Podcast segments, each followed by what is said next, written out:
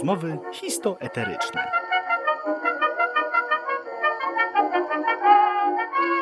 Podcast, w którym ja, Bartłomiej Gawryszewski, prowadzę luźny wywiad z ludźmi znanymi mniej lub bardziej ogólnej opinii publicznej. Na gości czeka przyjazna atmosfera, ale też kilka wyzwań związanych ze znajomością historii w zakresie swoich profesji. Jesteście ciekawi? Po prostu zapraszam. Słuchaczki i drodzy słuchacze, na tę rozmowę czekałem ponad rok, ale doczekałem się i uważam, że to jest idealny czas właśnie na to, żeby tę rozmowę się odbyła. Moim dzisiejszym gościem, już drugim w cyklu hashtag uwielbiam rozmawiać, jest przewodniczący samorządu studentów UW, Kamil Bonas. Kamilu, dzień dobry. Cześć, dzień dobry wszystkim. Kamilu, yy, Dawno zakończył się rok akademicki 2019-2021, chociaż wiemy, że on tak jakby oficjalnie trwa nadal się kończy dopiero we wrześniu, ale jakby weszliśmy już w ten tryb wakacyjny i uważam, że to jest taki dobry czas, żeby sobie podsumować tak naprawdę, jaki ten y, rok kolejny z tych y, czasów przejściowych tak naprawdę w, na świecie i nie tylko, jak akurat UW, że tak powiem, y, jakie przeszło turbulencje, czy też, że tak powiem, no jak, jak, jak przeszedł w ogóle przez ten no, ostatni rok akademicki pod aspektem samorządowym akurat. Mhm. E, dobrze zauważyłeś, faktycznie 30 września kończy się rok akademicki, e, także w tym momencie możemy mówić o pewnej przerwie, która nastąpiła między, między zakończoną sesją właściwą a sesją poprawkową. E, więc to jest taki czas trochę wytchnienia dla naszych wszystkich studentów i studentek i dla całej kadry profesorskiej. Jak najbardziej, oczywiście ten rok był no, zdecydowanie inny niż pozostałe, aczkolwiek nie aż tak bardzo ekstremalny jak ten poprzedni, e, ponieważ ten rok akademicki był w całości zdominowany przez zdalne kształcenie, kształcenie, które już było wcześniej wprowadzane, e, bo to jednak już pandemia no, dobry ponad rok, e, rok ponad już minął. Tak naprawdę zaraz będzie półtora roku, kiedy ta pandemia niestety z nami jest pod tym względem na pewno był spokojniejszy od 2019 roku mm, i 2020, jakby nie było. E, natomiast moim zdaniem e, to jest również taki moment, kiedy można było dużo rzeczy na uczelni zmienić I mówię tutaj chociażby w kwestiach infrastruktury chociażby, ponieważ e, to, że nie ma studentów i studentek w murach uczelni, nie odbywają się zajęcia, konferencje i inne przedsięwzięcia, to jest też dobry moment na to, żeby podreperować trochę infrastrukturę, co, która codziennie jest bardzo mocno nadwyrężona i, i, te wszystkie pomieszczenia, które znajdują się na uczelni są bardzo e, wypełnione od rana do nocy. Także pod tym względem na pewno to jest rok, który dał taką możliwość na, na wszelakie remonty, czy to mniejsze, czy to większe. Chociażby w budynku naszego samorządu taki remont ma miejsce. Mm, to jest tak. Natomiast e, jeżeli chodzi o kwestie związane z dydaktyką czy z nauką, na pewno to jest kolejny rok wyzwań, jeżeli chodzi o to, w jaki sposób e, jest to prowadzone. E, ponieważ niektóre oczywiście kierunki studiów jak najbardziej mogą być prowadzone w sposób zdalny. Oczywiście nie zapewnia to takiego komfortu jak kształcenie tak, w typowym e, modelu stacjonarnym w murach uczelni. Natomiast oczywiście e, jakimś tam rekompensatą są. Natomiast niektóre kierunki studiów, bardzo często właśnie kierunki ścisłe, kierunki, które charakteryzują się takim E, potrzebą fizycznego e, gdzieś tam obycia między osobami, które studiują, chociażby kierunki typowo lingwistyczne i tak dalej, wymagają tego fizycznego e, kontaktu między ludźmi, między wykładowcami a studentami i studentkami i między po prostu samymi osobami, które, które na te zajęcia uczęszczają, tak żeby móc zagwarantować po prostu wyższy poziom, wyższy poziom tych zajęć. E, I tu pod tym względem na pewno cały rok, bo nie tylko pół, jak to było w poprzednim roku akademickim, no to jest na pewno duże wyzwanie. Udało się wprowadzać modele, kiedy mogliśmy takimi interwałami prowadzić zajęcia, chociażby właśnie na kierunkach typowo ścisłych, głównie tutaj mówię o kampusie Ochota. E, I, I dzięki temu tak naprawdę te kierunki e, mają możliwość tego, żeby po prostu wyrobić program i przerobić te wszystkie materiały, które są do zrobienia. Natomiast ogólnie mam nadzieję, że to będzie ostatni rok, który będzie zdominowany przez takie zdalne kształcenie e, i przez pandemię. Mam nadzieję, że ten nowy rok akademicki, który nastąpi 1 października, e, no to będzie nowe otwarcie. E, mam nadzieję, że od samego początku będziemy w murach uczelni mogli studiować. Oczywiście nie można tego zakładać jako pewniak, bo w życiu nic nie jest pewne, poza śmiercią i podatkami. E, natomiast e, ogólnie uważam, że na pewno będzie to rok, w którym będziemy mogli wyjść z tego dołka, w którym się znaleźliśmy, dlatego że, no nie ukrywam, e, ja osobiście uważam, że, że pandemia to jest taki okres, kiedy ludzie bardzo mocno na tym ucierpieli i mówię tutaj głównie też o takich sferach typowo społecznych, typowo takich e, socja, e, socjalizacyjnych, Mhm. co zresztą było bardzo widać na dniu otwartym, e, to przepraszam, nie na dniu otwartym, tylko na e, pierwszym dniu składania dokumentów na naszej uczelni, który miał miejsce wczoraj, e, czyli 20 e, lipca, dokładnie, zgadza się. E, I to był moment, kiedy można było zobaczyć, jak ludzie, którzy przez prawie dwa lata tak naprawdę byli gdzieś tam odizolowani i, i zamknięci w, swoim, e, w swoich metrach kwadratowych, mm, tak napie- naprawdę mieli pierwszą styczność, czy to z uczelnią, czy w ogóle z większą grupą innych ludzi. I faktycznie było bardzo widać to, że, że ludziom brakuje tego kontaktu fizycznego z innymi osobami i jest im też trudniej e, chociażby w kwestiach komunikacyjnych nadrobić pewne braki. Mm, No cóż, y, w takich wypadkach serio, naprawdę miejmy nadzieję, że to będzie ostatni rok, ten, który właśnie mija, y, ostatni takiej nauki zdalnej, chociaż moim zdaniem to, to jest trochę, szczerze w to wątpię, patrząc na y, ostatnie statystyki, ale y, skoro już mieliśmy o rzeczach ostatnich, to chciałbym teraz odwrócić trochę sytuację i zaprosić Cię do pierwszego segmentu z naszego spotkania, czyli pierwszy raz. Jesteś gotowy? Jak najbardziej. W takim razie idziemy. Pierwszy raz. Gość otrzymał pięć pytań, które dotyczą początków, debiutów i tym podobnych. Posłuchajmy, jak sobie poradzi. Kamilu, powiedz mi, jak wspominasz ten pierwszy raz, kiedy przekroczyłeś próg Uniwersytetu Warszawskiego? Pierwszy raz, kiedy przekroczyłem próg Uniwersytetu Warszawskiego, to było ładnych parę lat przed tym, jak zacząłem studiować na Uniwersytecie Warszawskim. Pierwszy raz na krakowskim przedmieściu przez bramę uniwersytetu przekroczyłem ją, no dobre, podejrzewam, że z 3-4 lata przed tym, jak zacząłem studiować. E, w takim świadomy, e, w świadomy sposób, myśląc o tym, że w końcu zacznę tutaj e, studia. To chyba był mój pierwszy w ogóle rok w liceum, tak mi się wydaje. E, to już wtedy wiedziałem, że chcę aplikować i chcę e, skończyć e, po, tak naprawdę po czasach licealnych przejść na, na Uniwersytet Warszawski i właśnie z tą uczelnią się związać na, na dłuższy okres. No, Także to było na dobry czas, zanim zacząłem studiować. A sam moment studiowania i takie przekroczenie tego, tej bramy uniwersytetu już jako pełnoprawny student, e, student UW, e, no to na pewno to był moment e, taki no ściskający trochę za serce takiej dumy, poczucia naprawdę czegoś fajnego i no takiej przygody, która się zaczęła no już dobre 5 lat temu. No to fantastycznie. A kiedy pierwszy raz pojawiłeś się w samorządzie? E, Czy to w swojej jednostce, czy to ogólnie? Moja przyjemność z działaczami samorządowymi, z działaczkami miała również miejsce zanim zacząłem studiować. E, To był samorząd e, mojego wydziału, Wydziału Prawa i Administracji. Dużo samorządowców już poznałem na to było rok albo dwa lata zanim, zanim przystąpiłem w ogóle, zanim zacząłem studiować na UW. E, Pamiętam, że część z tych samorządowców później zresztą bardzo e, zażyłe kontakty z nimi miałem e, w, w tej działalności samorządowej.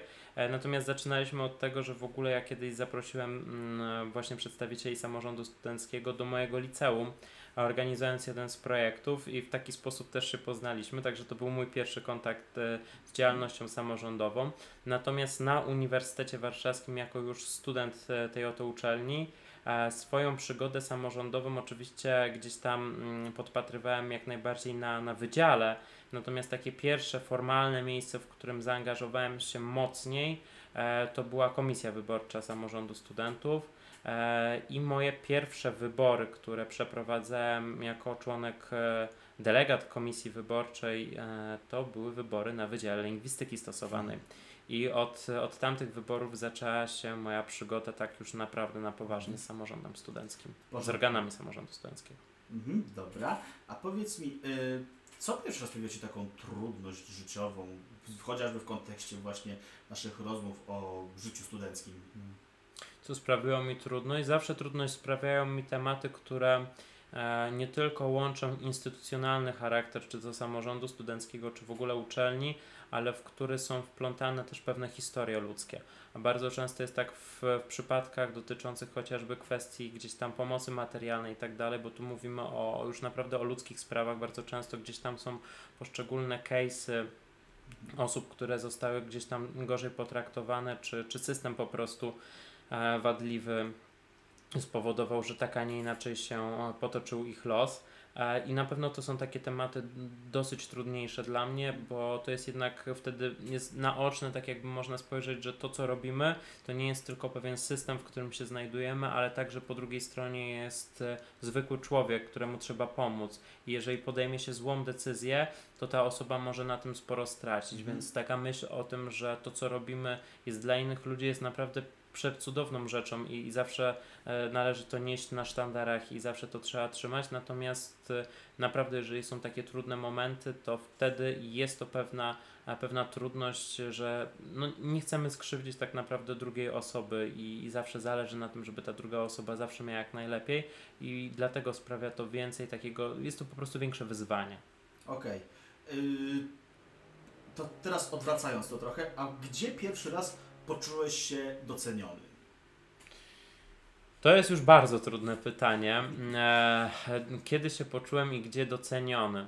E, to na pewno bym nie wiązał tego z Uniwersytetem Warszawskim, e, tylko to zdecydowanie lat ładnych na pewno do tyłu.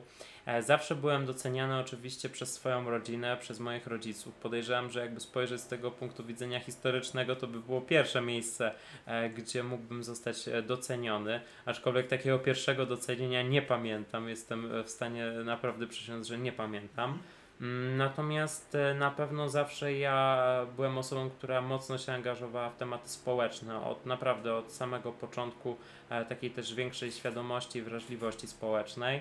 E, jaką miałem. Mm, no i, i zdecydowanie takich miejsc, elementów, możliwości docenienia mojej osoby na pewno było sporo.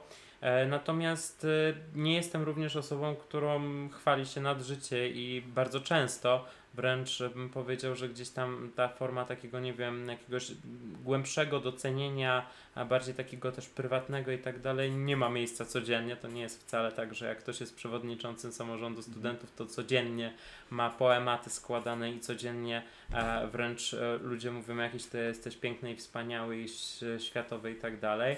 E, to jest naprawdę ciężka, ciężka, ciężka robota. E, działalność dla innych powoduje to, że zawsze druga strona, czy osoby, dla których się działa, mają pewne potrzeby, pewne, e, pewne prośby i tak dalej i, i zwykle to, to działa na tej zasadzie, że to ja służę ludziom, a nie oni służą mi, bo to ja jestem dla ludzi, a nie oni dla mnie. W związku z tym też ja nie przywiązuję tak bardzo dużej wagi e, do, do jakichś, nie wiem, wielkich słów i tak dalej, ponieważ zdecydowanie więcej przyjemności sprawia mi E, to, że druga osoba, dla której działam i coś robię, jest zadowolona z czegoś, jest szczęśliwa i tak naprawdę mam możliwość uszczęśliwienia ludzi, a niekoniecznie to, żebym ja był osobiście zadowolony z tego, bo nie wiem, bo zrobiłem coś super. Nie, bardziej chodzi mi o to, żeby druga osoba była zadowolona, że to właśnie dzięki mojej działalności jej jest lepiej, czy, czy, czy po prostu może coś innego dzięki temu osiągnąć. No, fantastycznie. E, I ostatnie pytanie, e, mianowicie, czy to jest pierwszy raz, kiedy bierzesz udział w podcaście? Nie, to nie jest pierwszy raz, kiedy biorę udział w podcaście, ale nie będę Cię reklamował innych miejsc. ale liczyłem, że to zrobisz. Ale no cóż, to w takim razie to był nasz, nasz segment pierwszy raz, za który Ci chciałem bardzo podziękować. Również dziękuję. E, jesteśmy teraz w takim momencie właśnie, że mamy tę naukę zdaną i mając właśnie nadzieję, że to jest taki, że to jest, że to jest takie ostatnie tchnienie tych zdalnych czasów, chciałbym, żeby, e, chciałbym trochę zrobić taką rzecz, mianowicie Samorząd studentów, y, zwłaszcza takiej uczelni, jaką niewątpliwie jest Uniwersytet Warszawski, to jest bardzo duża, że tak powiem, społeczność. Mhm. I w tych czasach właśnie, od, marc, od początku marca 2020 roku do dzisiaj tak naprawdę, jej zarządzanie musi być cholernie trudną sprawą. I jak ty to, jak, jak ty to robisz ze swoim zespołem, który, yy, że tak powiem, prężnie działał albo działał i efekty są widoczne, mm, to jak to w ogóle się, jak, jak to w ogóle jest, że wy, y, wy, wy jako właśnie taki zespół zarządzający, ale jednak osoba, która jesteś ty, która musi to wszystko skoordynować, jest w stanie zrobić taką rzecz czasach zdalnych. Poprzez mój przykład, poprzez mój przykład tak naprawdę nie zawsze to się udaje, ale patrząc na Ciebie po prostu mam wrażenie, że kurczę, ten uniwersytet stanie na nogi szybciej niż inny. Bardzo miło jest mi to słyszeć. Um, oczywiście, tak jak już powiedziałeś, jest to praca zespołowa i zawsze na tym polega, że, że jak kilka osób e, działa w jakimś temacie, to jest dużo łatwiej coś przeprowadzić, coś e, zreformować, po prostu zmienić najprościej na świecie niż w pojedynkę i zawsze uważałem, że gra zespołowa jest zdecydowanie ważniejsza od takiej gry solo, bo jedna osoba świata nie, nie zawojuje, a już grupą można. E, natomiast ogólnie rzecz ujmując, faktycznie nie jest to prosta, prosta działalność. 40 tysięcy studentów i studentek, ponad 40 tysięcy, bo tyle liczy samorząd studentów Uniwersytetu Warszawskiego. To jest naprawdę rzesza ludzi. To jest rzesza ludzi i, i warto o tą rzeszę dbać e, i robić dla nich jak najwięcej. Oczywiście powoduje to, że wymaga to bardzo dużo poświęcenia e, czasu na, na tą działalność. I tu nie ukrywam, że faktycznie czasu, który poświęcam na działalność w ramach struktur samorządu studenckiego, w ramach struktur w ogóle uczelni i tak dalej, no to jest bardzo duży fragment mojego życia, od kiedy się z tym związałem na, na takim wyższym poziomie, czyli od 1 stycznia 2019 roku, jak zostałem przewodniczącym samorządu studentów Uniwersytetu Warszawskiego. No to był taki moment, od którego mm, mój czas, który przeznaczam na uczelnię, na sprawy samorządowe, jest naprawdę bardzo duży. E, trudno jest mi to przeliczyć na godziny, a tym bardziej przez pryzmat tylu lat już. Natomiast na pewno jest to znaczący fragment dziennego po prostu planu dnia. Mhm. Ale zobacz, no to, bo to właśnie, tak poświęcasz czasu sporo, a jednak mimo wszystko, czyli pytanie tutaj się takie nasuwa, gdzie w tym wszystkim masz czas jeszcze, na przykład na realizowanie siebie na przykład w karierze naukowej, y, czy na przykład dla Ciebie podejście, na przykład właśnie dla Ciebie, nie wiem, samorząd to jest taka Twoja praca naukowa, na której jakby na, na której się skupiasz i na, jakby na której chcesz, że tak powiem, opierać swoją dalszą karierę. E, pracą naukową bym tego nie nazwał, natomiast jak najbardziej jest to miejsce, w którym się realizuję, a jest to miejsce, z którego zdobywam bardzo duże doświadczenie. Mm, bo uważam, że jeżeli ktoś w ogóle chce działać w takim obszarze prospołecznym, nastawionym na takie życie e, polityczno-społeczne po prostu, to samorząd studencki, zwłaszcza tak dużej uczelni jak Uniwersytet Warszawski, to jest idealny moment do tego, żeby rozwijać siebie, swoje zdolności i, i tak naprawdę to w sposób, w jaki można funkcjonować e, w takim świecie właśnie społeczno-politycznym, e, ponieważ e, żadne studia, żaden przedmiot, żaden wykładowca nie nauczy tyle, ile trzeba się nauczyć samemu przez właśnie taką działalność w ramach struktur chociażby samorządowych. To są kwestie umiejętności miękkich, to jest zarządzanie zespołem, to jest komunikacja, to jest tworzenie własnego wizerunku, odpowiadanie za naprawdę bardzo dużo elementów tak naprawdę tego, czym się zajmujemy, bo to jest i jakość kształcenia, sprawy socjalne, kwestie umiędzynarodowienia, e, kwestie związane z aktywnością fizyczną, z, e, takie prozdrowotne typowo, e, akcje prospołeczne, które wymagają tego, żeby po prostu gdzieś tam mm, tak jakby pokazywać ludziom, że aktyw bycie aktywnym obywatelem, obywatelką jest bardzo ważne e, i spojrzenie na drugiego człowieka jest mega istotne. E, to są wszelakie rzeczy związane z kwestiami e, ochrony środowiska i tak dalej, i tak dalej. Tego naprawdę mógłbym wymieniać naprawdę bardzo, bardzo długo. E, I to są obszary, w których się zajmuje samorząd studencki jako taki za pomocą organów, które, które ma. Mm, i faktycznie skupienie się wokół tak różnorodnej gamy tematycznej powoduje, że nabiera człowiek również szerszego, bardziej horyzontalnego spojrzenia na w ogóle i na uniwersytet, ale też i na takie życie właśnie e, społeczne dlatego mam wrażenie, że na pewno to nie są lata stracone e, i dzięki temu później w przyszłości będę po prostu mógł lepiej działać dla innych, bo no. zawsze na tym mi zależało. No, w to nie wątpię, bo jesteś jednak, że tak powiem, historią tak naprawdę. Ty, ty, ty już jakby swoim działaniem tworzysz historię, nie tylko tego samorządu, ale myślę całej uczelni, co nas prowadzi do drugiego segmentu, czyli do e, tego momentu w podcaście, za którym goście nie za bardzo przepadają. Kamilu, chciałbym Cię zaprosić do odpowiedzi przy mikrofonie, gdyż czas na naszą odpowiedź z historii. Dobrze. Odpowiedź z historii. Prowadzący zada 10 pytań z zakresu historii Polski i świata, ale tylko w zakresie profesji lub zainteresowań gościa. Zapraszamy do odpowiedzi przy mikrofonie. Powiedz mi, czy pamiętasz może, kiedy miało miejsce pierwsze zebranie z y, zarządu samorządu studentów UW? Tak, jak najbardziej. Jest to data, która e, zawsze leży mi blisko serca. 11 grudnia 1980 roku. Wtedy odbyło się pierwsze posiedzenie zarządu samorządu studentów Uniwersytetu Warszawskiego. E, I od tego momentu tak naprawdę liczymy naszą historię e, struktur samorządowych, e, a więc to już jest ponad 40 lat. No to prawda, rzeczywiście. Zresztą rok temu obchodziliśmy jubileusz y, 40-lecia. Y, myślę, że rzeczywiście wyjątkowy i godny jednak jakby swojej rocznicy, chociaż mam nadzieję, że za 10 lat to będzie, że tak powiem, równie wyjątkowy, jeśli nie bardziej, skoro, to będzie, że tak powiem, y, już, już jakby no złotego ty tak naprawdę. No. To jakbym mógł się jeszcze wtrącić, to chciałem dodać, że mm, na pewno w tym okresie, jeżeli teraz wrócimy na uczelnię no, prawie w pełnym wymiarze, e, jak to można określić na jesieni, to również ten okres do 11 grudnia 2021 roku będzie poświęcony również na, na takie przypomnienie tego 40-lecia, ponieważ uważam, że cały, e, cały ten okres, który zaczął się od, pierwsze, e, od 11 grudnia 2020 roku do 11 grudnia 2021 roku, to jest tak naprawdę rok, w którym e, należy wspominać i obchodzić to 40-lecie.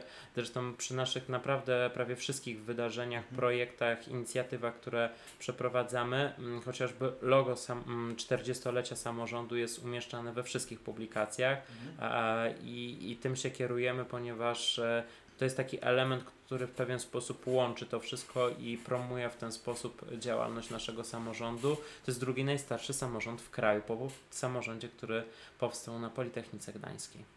Rzeczywiście. Y, powiedz mi, czy pamiętasz, jakie były pierwsze wydziały założone na Uniwersytecie Warszawskim? No, Było pięć, pięć wydziałów, jak pięć gwiazdek e, w herbie Uniwersytetu Warszawskiego. Nasz orzeł dookoła niego pięć gwiazdek. E, to był wydział medyczny, tylko nie pamiętam, czy on się nazywał medyczny czy lekarski, ale był związany z medycyną. E, to była również filozofia, e, prawo. E, prawo nawet jest starsze, bardzo dużo osób mówi o tym, że samo, sam Wydział Prawa jest starszy niż uniwersytet. To zawsze się powtarza w trakcie chociażby dnia otwartego czy pierwszych spotkań z władzami wydziału, mm, ponieważ struktury Wydziału Prawa były jeszcze za czasów napoleońskich tworzone, a sam uniwersytet już w czasach caratu. Także jeszcze do tego dochodzi prawo, astronomia. Chyba pięć wymieniłem. Y, Filozofia. Czy, czy tak, filozofia, medycyna, prawo, Astronomia. astronomia. Brakuje jeszcze A, jednej. i jeszcze jednego. Mm, Czy na przykład nie też o kulturze i sztuce? Bardzo możliwe. No właśnie. Bardzo możliwe, bardzo możliwe. No, Ale teraz mi akurat gdzieś to wyleciało, ale to jest bardzo możliwe. nie szkodzi. E, powiedz mi, czy wiesz może jakie postacie wyrzeźbiono w bibliotece uniwersyteckiej? Chodzi ci o te postacie, które są, przy samym tak, wejściu, Przy samym wejściu są takie na tych posągi, cokołach. Na cokołach. Mhm. I jakie postacie tam zostały wyrzeźbione? Mm, Z tego co pamiętam, to są humaniści, filozofowie e, bądź pisarze, Mhm. e, związani e, też z Uniwersytetem Warszawskim w Mhm. przeszłości, natomiast nazwiska na pewno nie W wymienię. nie, ale jakby no, przynajmniej, e, i tak pamiętam, że na tych kolumnach są e, wypisane ich dzieła Tak. bądź przemyślenia. Tak, nie, no to, to, to, to i tak lepiej powiedziałeś niż tydzień temu Julia Kostro, którą chciałem serdecznie pozdrowić. E, dobrze, powiedz mi, w którym roku Uniwersytet Warszawski został najlepszą wyższą uczelnią w Polsce? Od kiedy możemy się tak naprawdę po, po raz pierwszy szczycić tym, że jesteśmy, że tak właśnie jesteśmy nazywani? No. Powiem szczerze, to jest bardzo trudne pytanie i uważam, że na nie nie ma jednoznacznej odpowiedzi, ponieważ to zależy o jakie rankingi chodzi. E, różne rankingi przez różne lata miały miejsce. Jest bardzo dużo rankingów, e, które zakładają to, jakie uczelnie są najlepsze i tak dalej. Jeżeli chodzi o Polskę, takim jednym z najbardziej prestiżowych rankingów to jest ranking prowadzony przez Perspektywy. E, I jeżeli chodzi o ten ranking, to, to wiem, że Uniwersytet Warszawski jest prawie, że jeden do jednego z Uniwersytetem Jagiellońskim, ponieważ się zawsze ścigamy o to. Kilka razy mieliśmy e, pierwsze miejsce, oni mieli drugie miejsce, kilka razy oni mieli pierwsze, a my drugie, a jeszcze było wiele takich przypadków, kiedy mieliśmy miejsca ex aequo. Gdyby to podliczając, jeżeli się nie mylę, to chyba jesteśmy e, historycznie troszkę na lepszej pozycji. Tych pierwszych miejsc chyba mieliśmy troszkę więcej od Uniwersytetu Jagiellońskiego, natomiast jakby nie było, idziemy trochę łeb w łeb. E, I jeżeli byś miał mnie zapytać, od kiedy są te rankingi prowadzone, no to mówię, perspektywy to jest na pewno e, XXI wiek, tak? To wcześniej nie były Mhm. prowadzone. Natomiast inne różne rankingi, w tym również globalne, są prowadzone na przestrzeni wielu lat i tak naprawdę już e, w XX wieku też były prowadzone. Także trudno mi jest odpowiedzieć podejrzewam, że na to też nie ma jednoznacznej odpowiedzi, bo przy tak różnej i wielkiej gamie e, przeróżnych rankingów, jakie są prowadzone i analiz, e, nie wiem, czy jest to do określenia. Nie, No wiadomo, ale tak, e, żeby już e, uzyskując odpowiedź, że tak powiem, od mniej więcej 2010 roku jest, jest tak, że e, rzeczywiście jesteśmy- ex aequo z UJ-em, natomiast tak, że tak powiem, taka pełna, pełna dominacja wyższej uczelni ma miejsce od dokładnie roku 2016.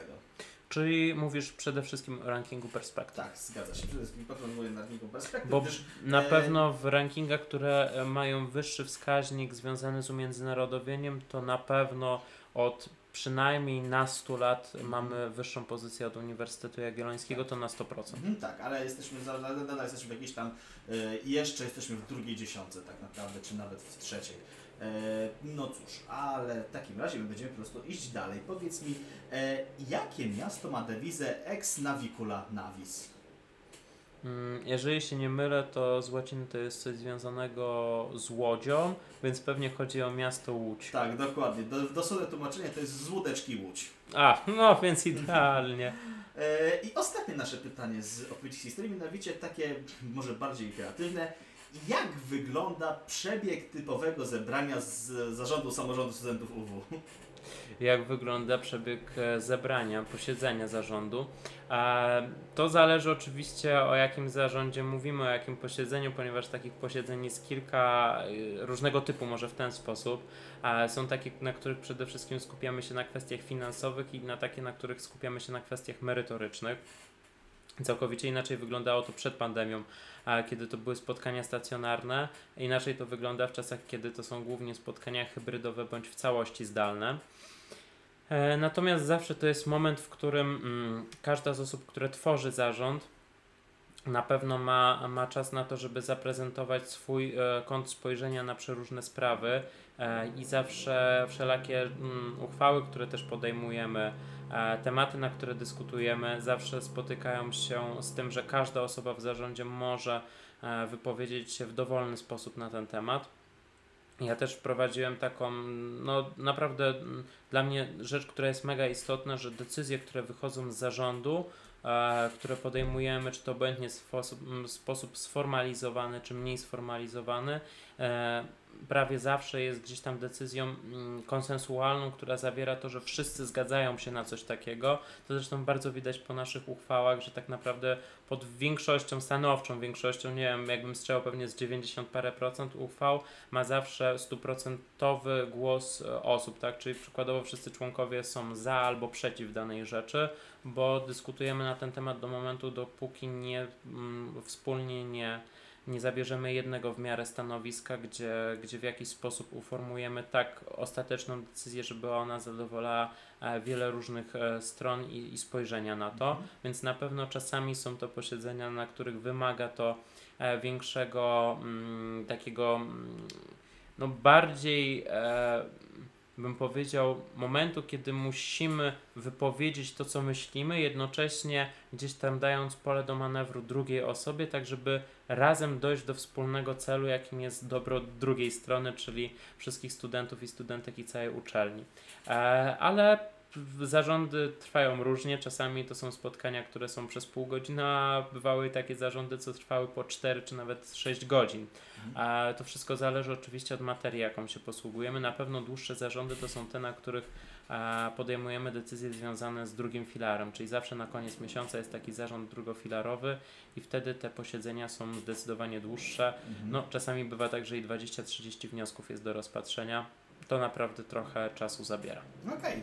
I to byłoby na tyle tego, jeżeli chodzi o naszą odpowiedź z historii. W ramach nagrody, że tak powiem, y, no należy Ci się po prostu mm, pozytywny doktorat honoris causa. Dziękuję W bardzo. każdej możliwej uczelni. no. Bardzo dziękuję, naprawdę jest mi bardzo miło. Mhm. E, W związku, że tak powiem, z tym, że mamy mm, sytuację taką, a nie inną. Chciałbym, żebyśmy teraz zrobili sobie taką, jeśli oczywiście jest to możliwe, ocenę sytuacji, e, sytuacji ocenę nauki zdalnej. O, może to chciałem Mhm. powiedzieć. Mianowicie, jak Ty oceniasz naukę zdalną? Czy ona wyszła na y, uniwersytetowi samemu? Może być w kontekście społeczności studenckiej, którą reprezentujesz. Wyszła ona raczej pozytywnie, czy raczej negatywnie? E, I właśnie w jakich aspektach? Czy w aspektach właśnie stricte samorządowych, stricte właśnie społecznych, ona wyszła pozytywnie czy negatywnie? A jak w kwestiach naukowo, jak w kwestiach naukowo-dydaktycznych, czy ona wyszła pozytywnie, czy też negatywnie? Na pewno nie jest to łatwe, ponieważ e, nic nie można jednoznacznie ocenić. E, Uważam, że pandemia mm, spowodowała kilka, kilka rzeczy. Po pierwsze, kwestie związane chociażby z umiędzynarodowieniem. To są rzeczy, które można naprawdę dzięki pandemii e, wiele więcej można też spojrzeć, że można wiele więcej zrobić po prostu. E, Ja pamiętam jeszcze na dobre, zanim pandemia się zaczęła, dzięki e, Sojuszowi Fory Plus miałem możliwość chociażby być na uniwersytecie na Sorbonie w Paryżu. Pamiętam wtedy byłem na takim spotkaniu z rektorami ówczesnymi, rektorem Pałysem, rektorem Duszczykiem i prorektor Choińską. E, I pamiętam, że wtedy na jednym ze spotkań powiedziałem o tym, mm, że warto by było skupić się na mobilności stacjonarnej. E, To było coś, co ludzi wręcz trochę zaszokowało. Jak to mobilność stacjonarna, jak to tak może być? Zawsze mobilność była rozumiana przez to, że trzeba się przemieszczać, e, wyjazdy, Erasmusy i tym podobne, i na tym się opierał e, proces, tak jakby ten e, motyw umiędzynarodowienia, jaki dominował na uczelniach wyższych. A mobilność stacjonarna polegałaby na tym, że właśnie za pomocą komunikatorów, chociażby właśnie tak jak teraz na, na odległość, mo, możemy właśnie prowadzić czy to zajęcia, czy mieć wolną wymianę mm, wiedzy po prostu, otwarte biblioteki online'owe i tak dalej. E, I coś, co kiedyś było określane jako, ale po co to komu, skoro można, e, nie wiem, e, usiąść w pociągu i pojechać do innego miasta, czy e, samolotem się przemieścić. Mm, Natomiast pandemia pokazała, że wcale tak nie musi być i można to umiędzynarodowienie inaczej rozumieć. Ja uważam, że w tym aspekcie pokazało, że proces umiędzynarodowienia to jest coś zdecydowanie bardziej em, intensywnego, ale też takiego bardziej wielopłaszczyznowego niż tylko wolna wymiana ludzi między, między Mhm. uczelniami. E, I dlatego uważam, że akurat w tym aspekcie pandemia trochę pomogła. Otworzyła bardziej nasze umysły na to, że możemy inaczej to wszystko prowadzić. Dobrze, i to jest w kontekście, że tak powiem, międzynarodowej Tak, działalności dokładnie. Ale są, ale są też inne, inne aspekty działalności uczelni. Mhm. E, I tutaj, e, jeżeli chodzi o kwestie związane z dydaktyką, e, no to uważam, że w zależności jaki kierunek tak ta pandemia mogła troszkę pomóc bądź nas ograniczać, to już mówiłem o tym wcześniej, zwłaszcza w kierunkach e, takich typowo ścisłych czy lingwistycznych. Dla nich jest to zdecydowanie trudniejsze, więc tutaj pandemia nie pomogła. W przypadku prowadzenia badań również jest to mocno utrudnione, bo jednak bardzo często prowadzenie badań powoduje to, że trzeba e, mieć fizyczny kontakt e, z inną osobą, czy po prostu z, z tym, z czym się zajmujemy. No nie wyobrażam sobie online'owego laboratorium na chemii czy biologii. No nie, to E, więc, więc pod tym względem na pewno pandemia nie pomaga. I ostatnia, e, ostatni taki aspekt, na którym chciałbym się skupić, to są kwestie związane, takie typowo relacje międzyludzkie. I w tych kwestiach społecznych, co zresztą na wstępie też mówiłem, uważam, że pandemia wręcz to bardzo mocno pogorszyła. To znaczy e, to, że ludzie są zamknięci w swoich metrach kwadratowych, to, że mamy zdecydowanie mniejszy kontakt z, z drugą osobą, e, że, że gdzieś tam jesteśmy w pewien sposób ograniczeni, e, bardzo negatywnie wpływa w ogóle na zdrowie ludzi e, i, i psychiczne, takiego komfortu psychicznego, ale też i fizycznego. E, To bardzo widać chociażby po tym, że wszyscy e, psycholodzy, psycholożki czy, czy terapeuci, terapeutki mają bardzo duże obłożenie, jeżeli chodzi o po prostu o pomoc innym Mhm. osobom E, i, i to właśnie tym się objawia. E, Dlatego uważam, że w tych kwestiach społecznych pandemia bardzo przeszkodziła ludziom, spowodowała, że troszkę się cofnęliśmy, e, że mamy problemy w nawiązywaniu takich więzi społecznych, problemy w komunikacji, nie potrafimy formułować dobrze pytań, w dobry sposób rozmawiać. Zauważyłem, że osoby, które zwłaszcza były bardzo takie ograniczone e, i, i gdzieś tam odizolowane od reszty, mają problem również z tym, żeby nawiązać kontakt wzrokowy z drugą osobą. E, to ostatnio również bardzo często obserwuję, że jak z kimś rozmawiam i to jest rozmowa jeden na jeden, przykładowo, e, to bardzo trudno jest ten kontakt wzrokowy utrzymać. Druga osoba gdzieś tam błądzi tymi oczami, góra, dół, sufit, podłoga, boki i tak dalej. E, no i wtedy to powoduje, że E, że przez to się po prostu objawia to, że mamy ten, taką barierę i pewien problem, ale to wynika z tego, że chociażby przez te dwa lata byliśmy zdominowani przez to, że widzimy się przez kamerkę. Najczęściej e, ta kamerka w ogóle nie była włączona i robiliśmy inne rzeczy. I to idealnie pokazuje, jak organizm ludzki się bardzo szybko do tego przyzwyczaja. Tylko, że to, co jest łatwe, jest dużo łatwiej zaadoptować.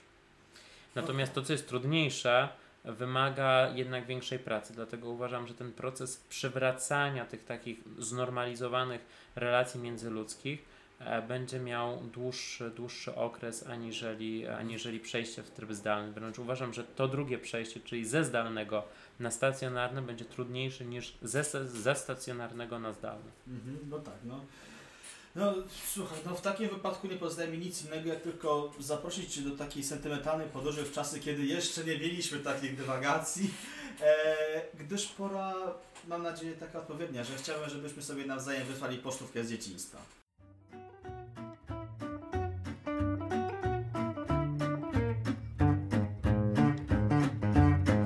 Pocztówka z dzieciństwa prowadzący oraz gość przygotowali zdjęcie z tego samego etapu swojego życia. Dwie strony mają za zadanie opisać zdjęcie oraz przedstawić w jakich okolicznościach zostało ono zrobione, jeżeli oczywiście oni pamiętają. Co przedstawiają fotografie przygotowane w tym odcinku? Przekonajmy się.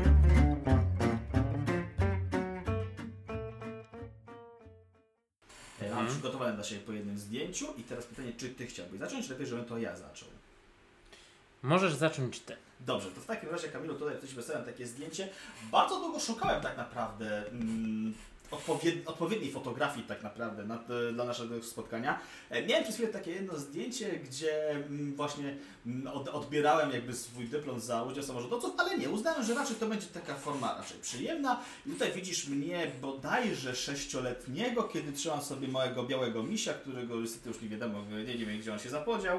E, I e, właśnie wydaje mi się, że jakby taka e, taka właśnie forma sielankowa, taka właśnie, że jestem sobie uśmiechnięty z tym białym misiem, obrazuje jak bardzo dla mnie ten etap był ciekawy, że zwłaszcza w kontekście czasów dzisiejszych, kiedy właśnie jesteśmy przetoczeni tymi trudnymi tematami, o których rozmawiamy i wtedy wchodzą właśnie wspólnie takie jak to, kiedy Wam robiono taką sesję specjalną. Chyba w przedszkolu wtedy byłem, przyszedł specjalnie fotograf, ja wtedy miałem takiego białego misia i a teraz nie postanowiłem sobie zrobić zdjęcie. Bardzo też do Ciebie to pasuje, bo jesteś bardzo pogodną osobą i bardzo często uśmiechniętą jak na tym zdjęciu. Dlatego wydaje mi się, że to też jest jakiś motyw, który łączy Twoją osobowość. E, to na pewno. Prawdopodobnie tak, prawdopodobnie tak. Natomiast skoro już mniej więcej orientujesz się, jak pocztówka z dzieciństwa wygląda, to teraz, jeżeli oczywiście możesz, to chciałbym, żebyś e, i taką mnie oraz naszym kochanym słuchaczom i słuchaczkom przedstawił, e, jaką Ty pocztówkę dla nas e, przygotowałeś, jaką mhm. my odbierzemy. E, dobrze, to w takim razie to wygląda tak. Mhm. E, nie wiem, czy chcesz opisać, czy sam mam opisać to, co widzę? Opisz w takim razie. E, dobrze. E, w takim razie to jest moje zdjęcie. Troszkę byłem starszy od ciebie, e, na twoim zdjęciu oczywiście. Mm, no i to jest zdjęcie, na którym e, trzymam zwierzaka. To jest prawdziwy zwierzak, to nie jest pluszak, to jest lew. Mhm. E, od razu mówię, że oczywiście dla osób, które zaraz by się przeraziły, że co to za złe stosunki, to absolutnie to, to nie były nie był zwierzak, który był w jakichś złych warunkach trzymany i tak dalej. To też nie jest zdjęcie, które pochodzi z Polski, tylko z zagranicy. Mm, e, I to też pokazuje to, że mam bardzo dużą wrażliwość do, w ogóle do zwierząt, e, bo, bo u mnie się zawsze to przejawia tym, że w ogóle lubię rzeczy związane ze środowiskiem naturalnym. Obojętnie czy to są zwierzęta, czy to są rośliny i tak dalej. Zawsze to było coś, co bardzo lubiłem. E, no i to pokazuje moją po prostu miłość do zwierząt. Zresztą twój pies, który, którego masz, e, też od razu e, zaciekawił mnie no bardzo. Tak, stały towarzysz podcastu, czyli Tyśka. Dokładnie. E, bardzo mnie to cieszy i bardzo kocham zwierzęta. Mm, to przede wszystkim. E, po drugie, to też jest taki moment, że, że ja czuję większą radość, e, jak mam wokół siebie zwierzęta. Obojętnie, czy to są e, egzotyczne zwierzęta, czy to są bardziej takie domowe w Polsce zwierzęta, jakiekolwiek inne. Mm, uważam, że, że należy pamiętać o tym, że nasi czworonożni bardzo często mhm. przyjaciele to są to są zwierzęta, którym trzeba pomagać. E, nikt tak nie zadba o zwierzęta jak człowiek. E, bardzo często też nic nie robiąc zadbamy o te zwierzęta, bo, bo mhm. jednak wchodzimy na, na ich terytorium.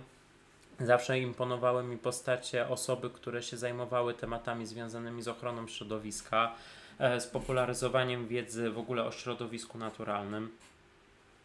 Z takich postaci mógłbym wymienić chociażby, czy to Jane Goodall, David Attenborough.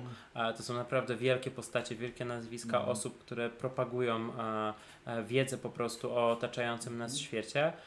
I dlatego też stwierdziłem, że to będzie zdjęcie, które chcę pokazać, bo w pewien sposób też obrazuje to, jaką osobą jestem i na co zwracam uwagę, i zawsze jestem po stronie słabszych. Mhm. Obojętnie kto by tym słabszym nie był, to zawsze opowiadam się za słabszymi, bo uważam, że na tym polega walka o, o społeczeństwo, bo to o słabszych się nikt może nie upomnieć, a duża grupa, silna grupa zawsze o siebie zadba.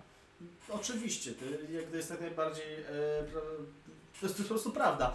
I tak właśnie wysłaliśmy sobie nawzajem początkę dzieciństwa, za co y, chciałem Ci Kamilu podziękować za to, że y, tak otworzyłeś się właśnie poprzez opisywanie i przez to zdjęcie.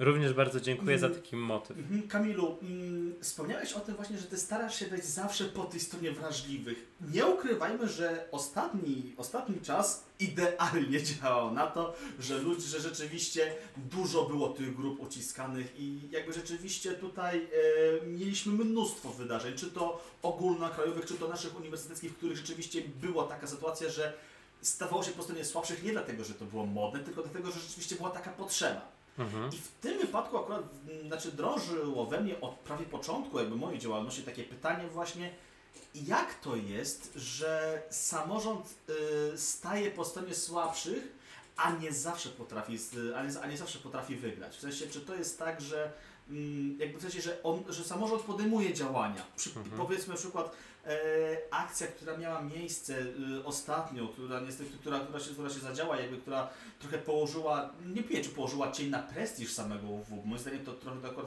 trochę wątpię. E, mówię o sytuacji, która generalnie, która generalnie no, między kwietniem a czerwcem bardzo wstrząsnęła naszą e, mhm. uniwersytecką sceną, mm, że się tak wyrażę. E, dla tych, którzy e, nie słuchają, to taki drobny disclaimer, mianowicie e, bardzo pojawiło się dużo afer w związku z czynnościami, czy też innymi rzeczami stricte seksualnymi, które miały miejsce na, naszy, na naszym uniwersytecie. I w związku z tym jakby powołano wiele instytucji tak naprawdę wtedy. Julia Costa wspominała właśnie o ombudsmanie, o Rzeczniku Praw Obywatelskim, nieobecnie o Rzeczniku Praw Studenta, ale mimo wszystko wielu moich znajomych, kiedy ja z nimi rozmawiałem o takiej sytuacji, uważała, że mimo tego, iż wasze działania były świetne, to ich jest nadal za mało. I jakby, jakby czy staracie się, jakby, czy rzeczywiście staraliście i staracie informować ludzi, że mimo naszych działań, które są yy, i one są dobre, wy macie świadomość, że to jest za mało i chcecie mówić o tym, że to jest za mało i po prostu nie mamy do tego, nie mamy do tego siły, czy to jest raczej tak, że yy, Wy pokazujecie, że są, że są rozwiązania, ale nie mówiąc o tym, że macie inne, że, że, że nie mówiąc o tym, że nie macie, to kierujecie je do innych, że tak powiem, rozwiązań. Mhm. E, tak jak najbardziej te wydarzenia nie były czymś e, ani przyjemnym, ani dobrym e, i na pewno odbiło się to sporym echem w ogóle na społeczności takiej akademickiej, ale też nie tylko Uniwersytetu Warszawskiego, ale w ogóle w takim świecie uczelni wyższych w, Polsce, bądź też nawet troszkę szerzej poza, poza ten krąg szkolnictwa wyższego. Ja na to patrzę przez, przez pryzmat również mojej też działalności i rzeczy, które myśmy wprowadzali zanim, jak to fajnie określiłeś, było to modne. Takie kwestie związane z chociażby z tym bezpieczeństwem e, studentów i studentek, z kwestiami świadomości, e, chociażby kwestiach seksualnych i tak dalej, to były rzeczy, które my już wprowadzaliśmy wcześniej. To znaczy chociażby stanowisko konsultantki do spraw przemocy seksualnej w mhm. naszym samorządzie powstało no dobry rok zanim w ogóle miała miejsce ta sytuacja Do tego czasu były prowadzone różne szkolenia, spotkania, warsztaty w tym temacie. E, wcześniej absolutnie czegoś takiego nie było. To samorząd za mojej kadencji pochylił się nad tym tematem. To za mojej kadencji został stworzony Rzecznik Praw Studenta, który zresztą został wpisany do regulaminu studiów. Mimo, że jest to ciało typowo samorządowe, jego funkcjonowanie jest zagwarantowane w regulaminie studiów. Jest to rzecz, która jest ewenementem na skalę w ogóle e, całego naszego kraju, żeby funkcja samorządowa stricte poza tą, którą przypisuje ustawa, została zawarta w takim dokumencie jak regulamin studiów, co powoduje, że naprawdę te działania są e, nie tylko skoncentrowane na doraźnym działaniu, ale też są długofalowe i też są działaniami typowo strukturalno-organizacyjnymi, które e, polegają na tym, że myślimy kilka kroków do przodu. Gdyby nie te stanowiska, gdyby nie te osoby, to podejrzewam, że ta sytuacja byłaby jeszcze w gorszej położeniu niż miała miejsce. Mhm. Oczywiście nigdy nie jest tak, że wszystko jest idealne i nie da się niestety wyeliminować każdego złego elementu życia w ogóle, dlatego że człowiek ma taką naturę, że zawsze niestety gdzieś tam te elementy złe wokół niego się mm, krążą. E, dlatego e, nigdy się nie da wyeliminować wszystkiego w 100%. Uważam, że pól do możliwości działania jest zdecydowanie więcej niż w tym momencie wykorzystuje to samorząd studencki poprzez swoje organy, czy sama uczelnia chociażby. I uważam, że należy w tym temacie robić bardzo dużo. Natomiast też nie chciałbym, żebyśmy popadali w popłoch pod tytułem nic nie ma, cały świat jest zły, wszyscy są źli, nikt nic nie robi, bo wcale tak nie jest. Warto doceniać małe rzeczy i małe gesty, ale pamiętając o tym, że jest jeszcze dużo do zrobienia i takie plany rozwojowe pewnych tematów są. My chociażby tworzymy szkolenia e, właśnie z tego bezpieczeństwa zakresu seksualnego, czy w ogóle bezpieczeństwa osobowego. E, To są rzeczy, które będziemy implementować w naszych e, projektach, chociażby na kampusie letnim, który będzie na koniec września. Również przewidziany jest segment tego typu szkoleń i warsztatów. Coś, czego nigdy na wyjazdach zerowych nie, Nie było. było. A u nas to będzie. I to też nie jest jakieś nowum, bo było to planowane na zeszły rok, czyli na 2020, kiedy znowu nie mieliśmy tej sytuacji, czyli ten temat nie był taki hot newsem No i, tak. i gdzieś tam nie, nie przebywał.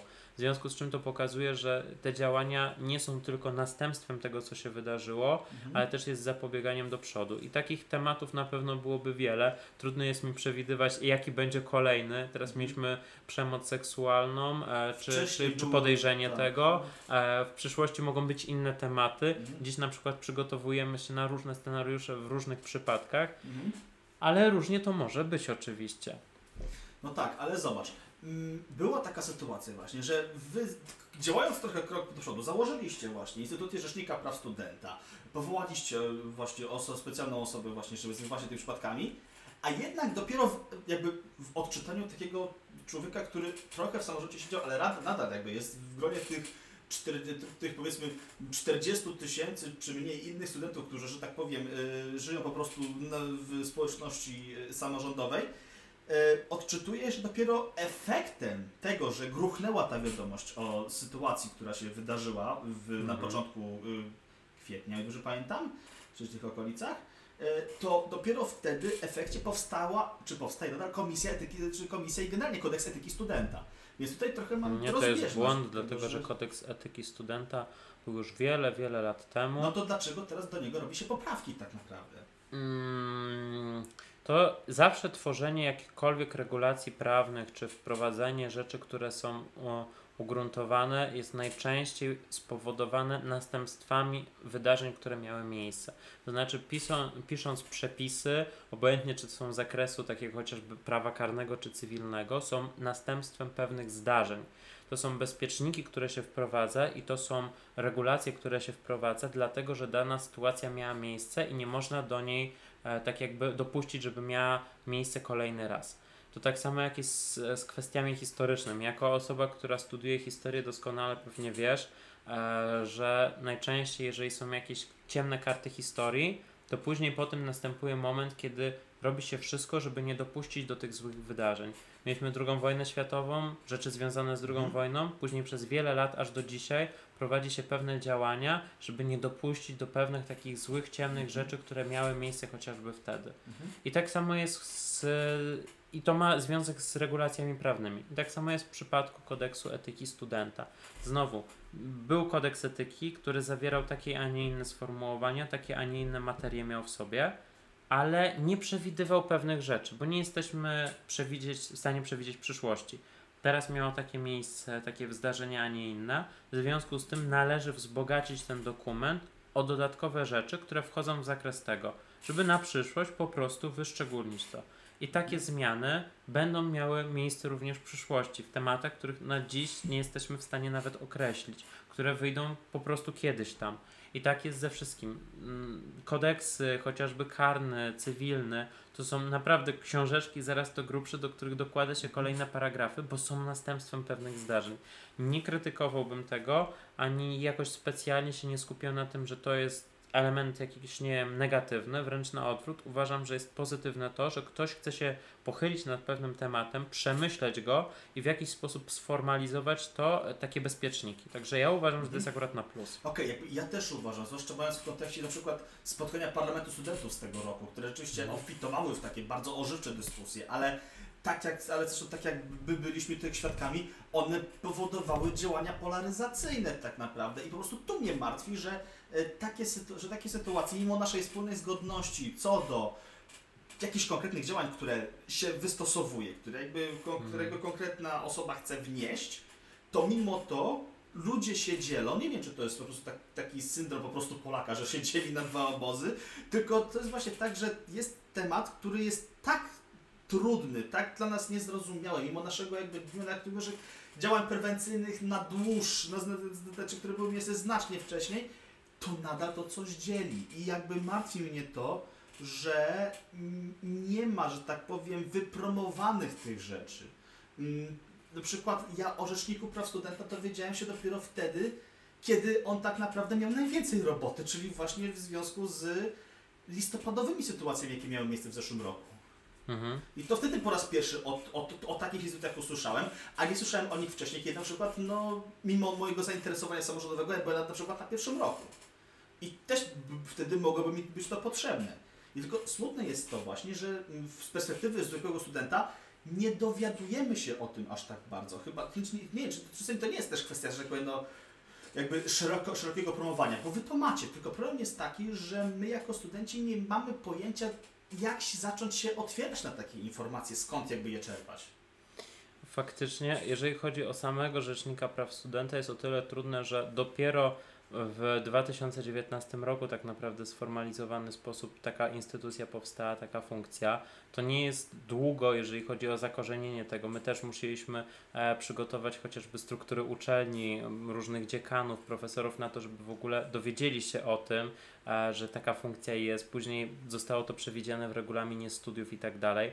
Także to jest troszkę bardziej skomplikowane niż, niż tylko takie działanie PR-owo-marketingowe, promocyjne. Natomiast e, to, o czym mówisz, zwłaszcza na początku swojej wypowiedzi teraz, e, dotyka pewnego troszkę innego tematu mm, i bardziej bym się nie skupiał w tym momencie na uczeniu, tylko po prostu na społeczeństwie. E, nasze społeczeństwo, typowo polskie społeczeństwo, ma bardzo dużą barierę i tak zwane tematy tabu. I do tematów tabu w polskim społeczeństwie należy chociażby kwestia seksualności. Więc to też powoduje pewne trudności i problemy z tym związane. Ja pamiętam, były prowadzone na przykład szkolenia właśnie z kwestii antyprzemocowych, które były prowadzone chociażby przez naszą konsultantkę, to jeszcze na długo przed tym, jak ta sprawa na wiosnę miała miejsce, e, we współpracy chociażby z panią Obudsman, z profesor Kubisą i tak dalej, i tak dalej, z wieloma różnymi e, bardzo wyjątkowymi osobami. To nie były wydarzenia, na które przychodziła rzesza ludzi. Mimo, że informacja trafiała naprawdę do bardzo dużej liczby studentów i studentek, bo zainteresowanie tym było dosyć małe, e, bądź dotykało to tematu tabu, bo trudno jest powiedzieć ludziom, którzy są przez lata uczeni w szkołach podstawowych, szkołach średnich, że o pewnych tematach się nie rozmawia, w momencie, kiedy nagle dotykamy na zasadzie porozmawiajmy o tym otwarcie. To jest bardzo trudne dla ludzi. E, Pod tym względem społeczeństwa, chociażby, nie wiem, na zachodzie Europy czy na północy Europy, są zdecydowanie bardziej otwarte i jest tam zdecydowanie łatwiej rozmawiać na te rzeczy. Nie ma takiej bariery tabu. U nas taka bariera funkcjonuje. Nie chcę wchodzić w temat tego, dlaczego tak jest i co to powoduje, natomiast uważam, że jest to duży problem, jeżeli chce się budować społeczeństwo, które jest świadomym społeczeństwem, które jest y, zaangażowanym społeczeństwem e, i które widzi drugiego człowieka, a nie tylko własny kawałek podłogi. Okej, okay. mam nadzieję, że ta sytuacja się kiedyś odwróci. Co nas prowadzi też do segmentu, w którym ty się zrewa, możesz zrewanżować za opowieść historii, gdyż to jest y, pora na e, segment, który się nazywa Odwróceni. Odwróceni. Tym razem to gość staje się prowadzącym i zadaje mu pięć pytań na dowolny temat. Jak sprawdza się w tym segmencie? Sprawdźmy to.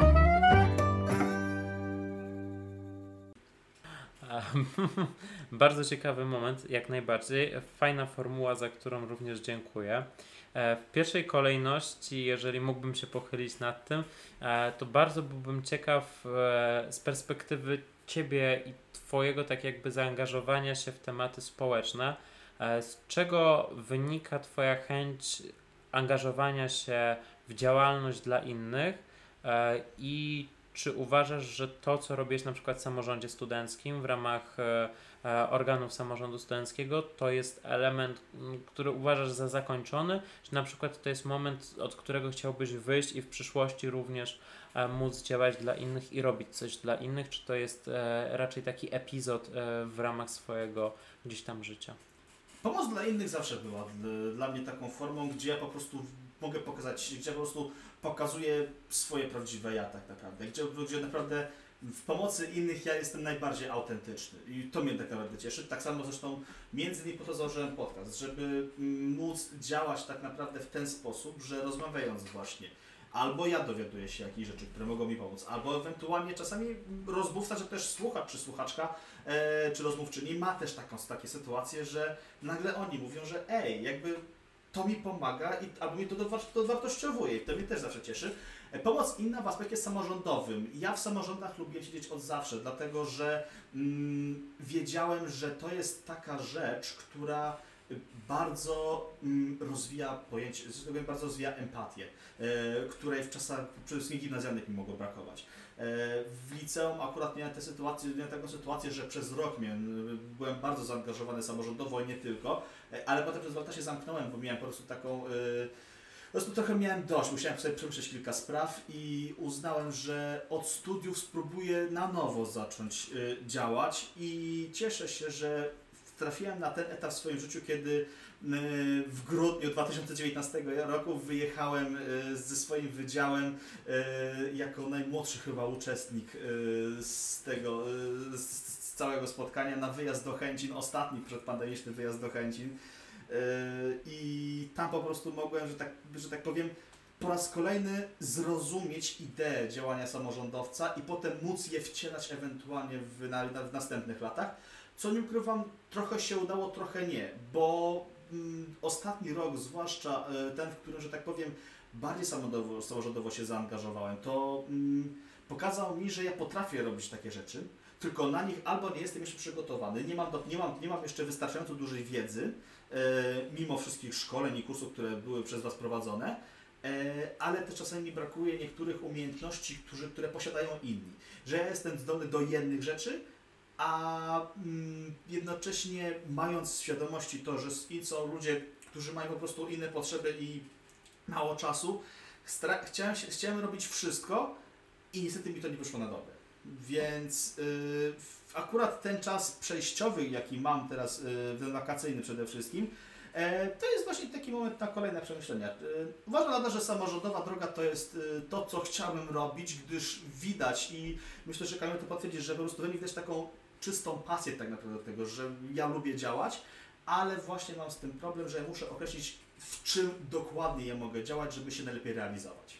Mhm, jasne, jak najbardziej.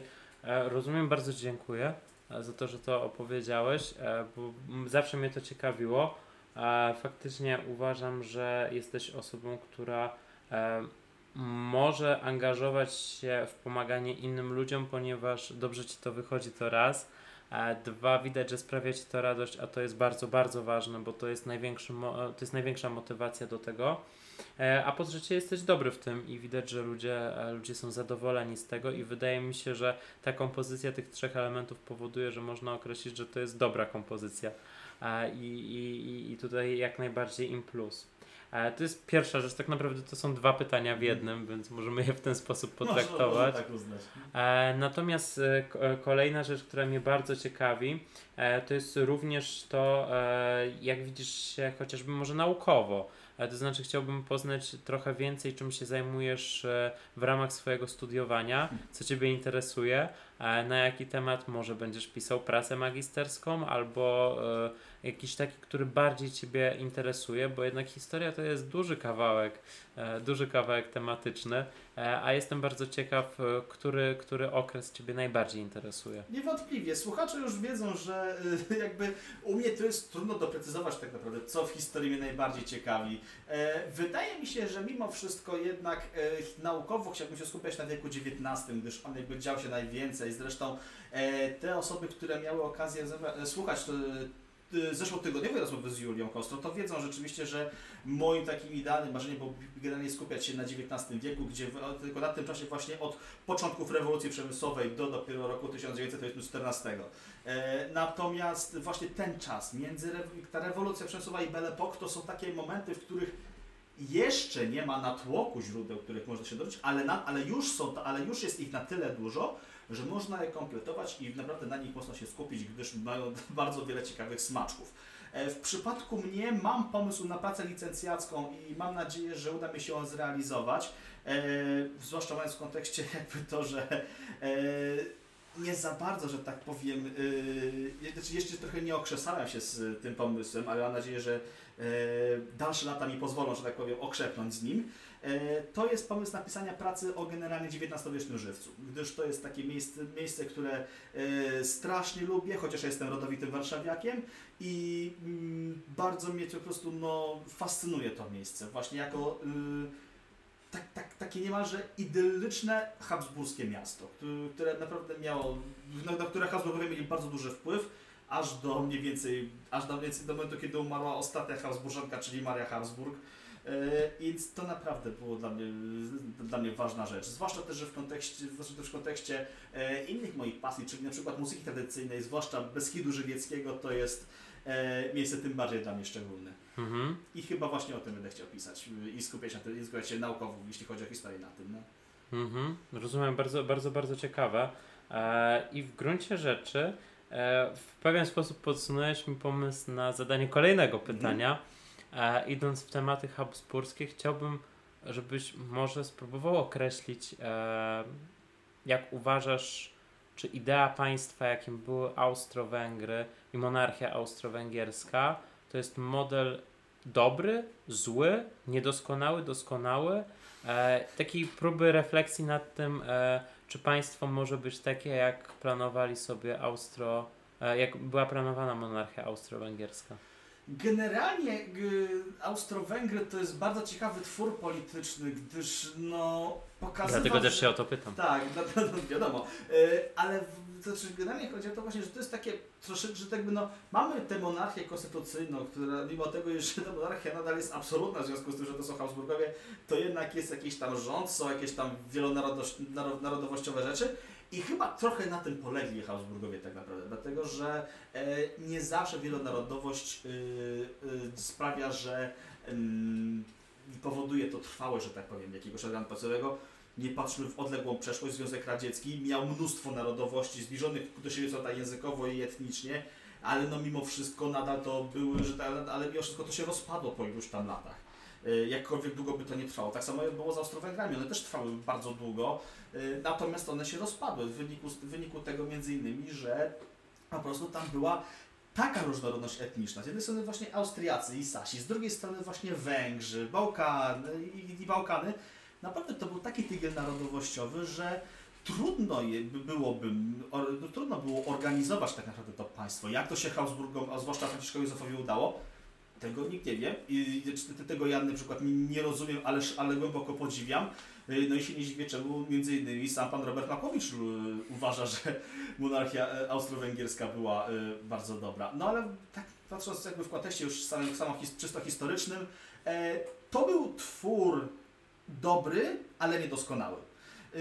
Dlatego, że miał w sobie elementy, które powodowały trwałość państwową, ale, był, ale były, były, te, było mnóstwo elementów, w tym jeden właśnie, o którym wspomniałem, czyli wielonarodowości, który sprawił, że po, kilku, że po kilkudziestu latach ta yy, instytucja upadła.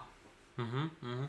Właśnie między innymi pytałem się o, o monarchię austro-węgierską, monarchię Habsburgów e, w kontekście właśnie tych kwestii e, no, wieloetniczności, tak, wielokulturowości, tego tygla, jak to pięknie określiłeś, ten tygiel wielu, wielu kultur i tak dalej. Dziś również bardzo dużo państw, mimo nawet nie tak dużych obszarowo, ma elementy związane chociażby z tym takim multikulturowością, bardzo mhm. często określaną. I właśnie w tym kontekście chciałem się o to dopytać, więc bardzo się cieszę, że akurat na to nakierowałeś swoją odpowiedź. E, no i w gruncie rzeczy tak naprawdę dobijamy do brzegu i mhm. na sam koniec mm, to jest, e, tak długo się zastanawiałem, mm, jak zakończyć e, w pewien sposób trochę tą rozmowę z Tobą i wydawało mi się, że najbardziej takim najciekawszym elementem mogłoby być to, żebym nie zadał Ci konkretnego pytania na jakiś temat, ale chciałbym, żebyś powiedział coś, co uważasz, że Twoim zdaniem jest rzeczą, która powinna przyświecać w ogóle człowiekowi, na czym powinno się skupiać, taką Twoją myśl moralną, o czym ludzie nie powinni nigdy zapominać. Więc nie jest to zwykłe pytanie, jest nie, to coś nie, bardziej to jest takie bardzo refleksyjne pytanie, na tak, tak. aczkolwiek e, już od więcej kilku tygodni mam na nie odpowiedź. Na szczęście udało mi się ją e, odnaleźć w tym momencie. Mm, człowiek, jeżeli znajduje w sobie złoty środek, jeżeli, jeżeli potrafi znaleźć takie miejsce, w którym potrafi, się, potrafi jednocześnie zgodzić się z niektórą rzeczą, ale jednocześnie potrafi na temat dyskutować i mówić, że w jego poglądach to mu się nie podoba, to wtedy uważam, że człowiek jest idealny, dlatego że, że wtedy człowiek po prostu trafia w swoją harmonię. Jeżeli on zgodnie ze sobą, ze swoimi wartościami, poglądami, jakie głosi, jakiekolwiek by one nie były i skądkolwiek by ten człowiek nie pochodził, jeżeli on potrafi jednocześnie zgodzić się z czyjąś argumentacją na jego temat, a jednocześnie potrafi dyskutować na tematy, które są dla niego, że tak powiem, albo nie, niewygodne, albo po prostu ma przeciwne zdanie na ten temat i nie, i nie zacietrzewia się w swoich yy, jakby poglądach, swoich tezach i jakby nie atakuje i innych, tylko stara się przyjmować, ewentu- stara się przyjmować i potem ewentualnie temat dyskutować, to wtedy człowiek po prostu znajduje środek człowieczeństwa. I to chyba co, co chciałem na ten temat powiedzieć. Bardzo Ci dziękuję. Najbardziej, najbardziej mm, tak z mojego punktu widzenia e, najciekawsza odpowiedź, jaką ostatnio miałem okazję usłyszeć z tego zakresu, to po pierwsze, a po drugie bardzo się cieszę, że, e, że chciałeś na to odpowiedzieć, bo, bo nie, każdy, nie każdy się na to godzi, a moim zdaniem e, jest to bardzo, bardzo ważne e, i fajnie, jeżeli ktoś potrafi coś takiego głębokiego mieć sobie, więc bardzo Ci za to dziękuję. Ja również Ci dziękuję za ten segment odwróceni. E, zbliżamy się powoli do końca, Kamilu, e, natomiast chciałem Ci zadać jeszcze takie jedno pytanie. Jakie są Twoje plany na przyszłość, tą bliższą czy tą dalszą? Czy masz jakieś sprecyzowane, czy to jest raczej tak, że znaczy poznając Ciebie oczywiście jako człowieka, że ma, jesteś taki sprecyzowany, Ty masz jakby określony plan i grafik i według niego starasz się żyć, E, natomiast czy, yy, zdarza, czy, czy, się zdarza coś takiego, że tak spontanicznie jakąś rzecz robisz yy, i czy coś takiego spontanicznego w przyszłości planujesz? Tak, jak najbardziej.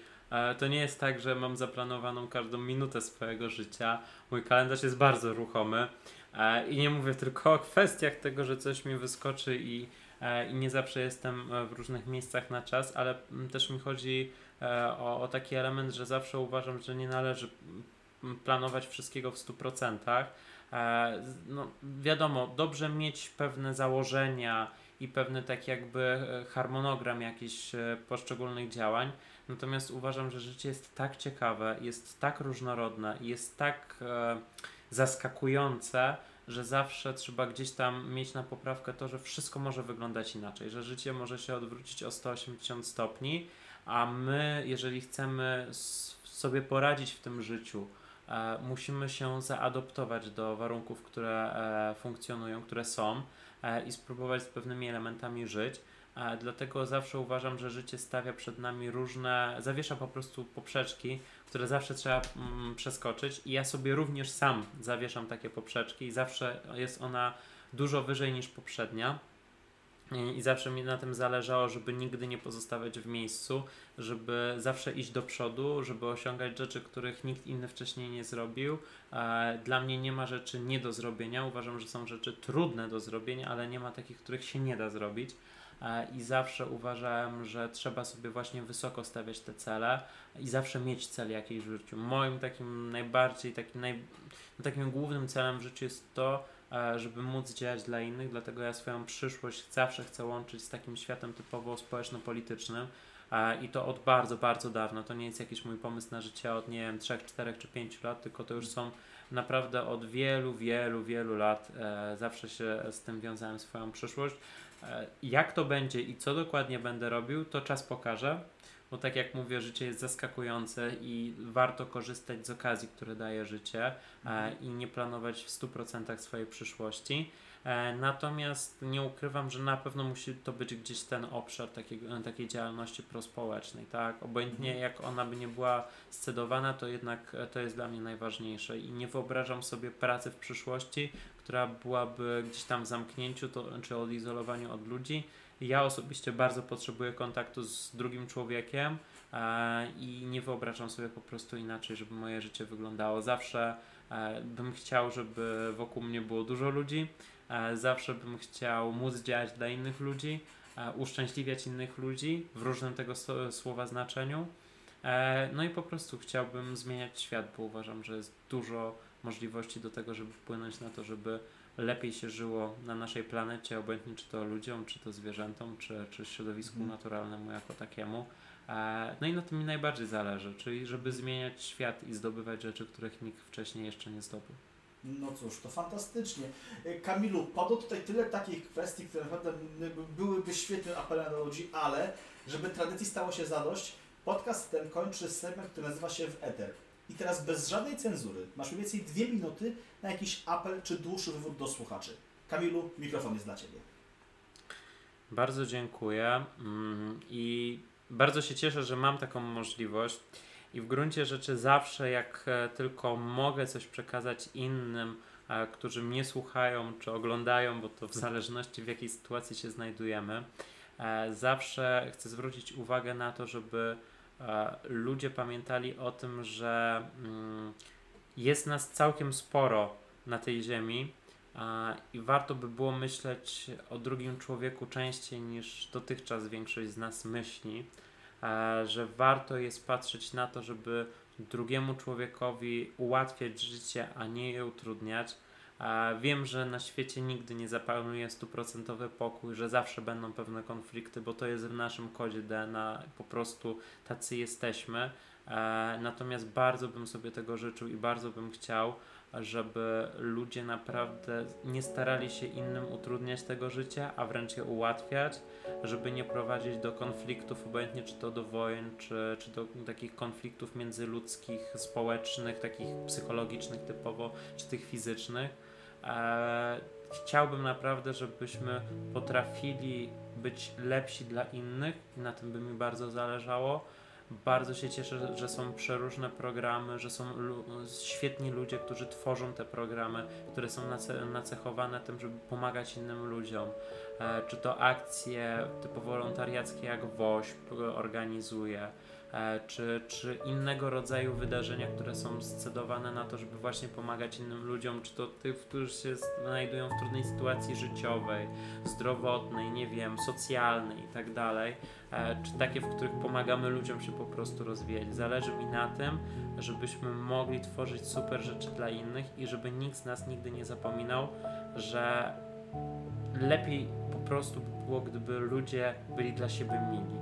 Czasami zwykły uśmiech na ustach, powiedzenie komuś, że jest wartościowym, ważnym człowiekiem, uśmiechnięcie się do tej drugiej osoby jest bardzo ważne i życzyłbym sobie i mam nadzieję, że każdej osobie mogę tego życzyć, e, żeby po prostu każdy kolejny dzień był lepszy od poprzedniego, E, No i żebyśmy sami z siebie dawali jak najwięcej innym, bo tak uważam, y, wracając się do działalności samorządowej, uważam, że działanie w samorządzie, obojętnie czy to studenckim, czy jakimkolwiek innym, zawsze zawiera to, że to jest działanie dla kogoś innego, czyli robimy coś dla innych.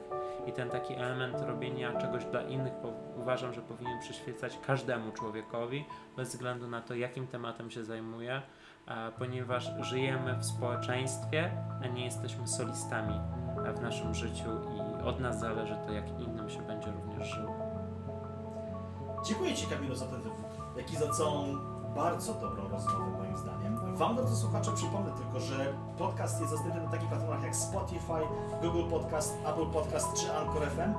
Ponadto podcasteum, w ramach którego rozmowy historyczne e, są, jest dostępny na Facebooku, Instagramie oraz na Twitterze i można się kontaktować przez e-mail, do który jest podany w opisie podcastu. E, Tam też dowiecie się o premierach między innymi tego oraz następnych odcinków. To by było na tyle. Moim dzisiejszym gościem był człowiek, który po prostu jest dla innych. Tak będzie lepiej go opisać. Kamil Bonas, dziękuję Ci serdecznie, do usłyszenia. Dziękuję również bardzo.